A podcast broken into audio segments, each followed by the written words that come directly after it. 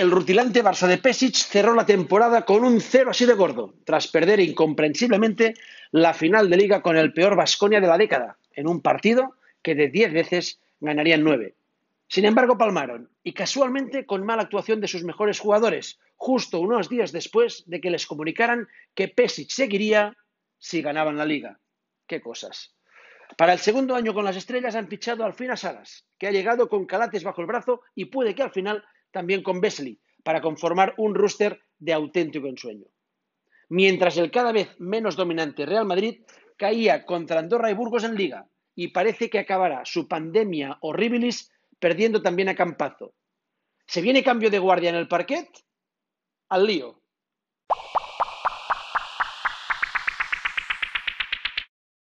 El Vetusto Palau verá en los próximos años a uno de los equipos más rutilantes que se han juntado últimamente en Europa, al mando del técnico más deseado en toda la historia de la sección.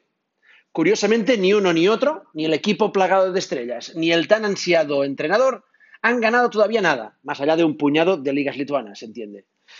Lo tienen todo por, por conquistar y no les falta hambre ni talento, tampoco rivales de altura.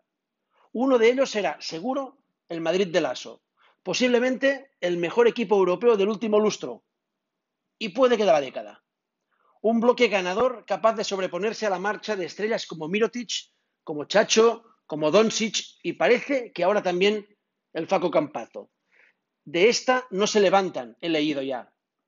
Y cierto es que Campazo es, junto a Tavares, el jugador sobre el que pivota este equipo desde la lesión de Llull, como es cierto también que el de Mahón no es el que era que la versión de Rudy es buena, pero ya va para 36 palos, y que el mismo bloque, talentoso y desgastado a partes iguales, que se pasea contra la clase media y baja, se las empieza a ver y a desear para hacer frente a la clase alta, que viene pegando fuerte, y que además se rearma, algo por lo que no está muy por la labor un florentino que, con el ojo puesto en la remodelación del Bernabéu, prefiere pagar precios asumibles por promesas que fortunas desorbitadas por primeras espadas. Y eso vale para el fútbol, Vinicius, Rodrigo, Renier, Cubo, como para el baloncesto, Deck, Abalde, Alocén. Llegados a este punto, la gran baza de los blancos es la maestría del aso para exprimir siempre un poco más a un equipo jerárquico pero menguante, que deberá contener a un Barça talentoso y en evidente expansión. Para que nos entendamos, un contexto muy parecido al del tardopascualismo, cuando la pericia táctica de Xavi Pascual y la inercia ganadora de un depreciado plantel conseguían retener algún título, pero no frenar el angustioso declive. Ante un Madrid repleto de calidad que empezaba a maravillar. Acuérdense, en la banda con un joven técnico y en la pista con un tal Nikola Mirotic. El Barça B se quedó sin Ricky Puig y Ansu Fati para luchar por el ascenso y después se quedó sin ascenso. Los argumentos de Setién para que no fuesen a ayudar al filial son impecables en un club como el Barça, que está obligado a poner todos los medios y más para intentar ganar la Champions. No podemos caer en la demagogia de comparar eso, una Champions, con un playoff de ascenso del filial a segunda. Igualmente, tampoco debemos atizar a Setién si con Ricky Puig y Ansu Fati no nos alcanzase al final para ganar la Champions.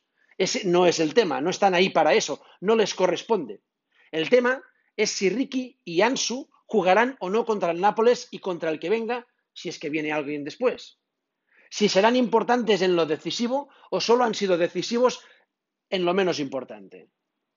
Habrá que comprobar si los chavales son importantes para Setién, si tienen opciones reales de ser de la partida.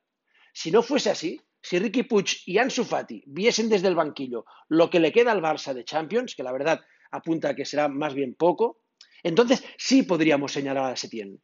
Y no ya como el incapaz que cogió al primer equipo líder y lo dejó a cinco puntos de un Madrid tirando a ramplón, sino también como el tío que dejó al filial sin sus dos mejores armas semanas antes de dispararse al pie. Ese escenario confirmaría lo que ya venimos intuyendo muchos desde hace semanas, a propósito de este entrenador que fichamos cuando estaba paseando entre vacas. Y es que las vacas no lo habrían hecho peor.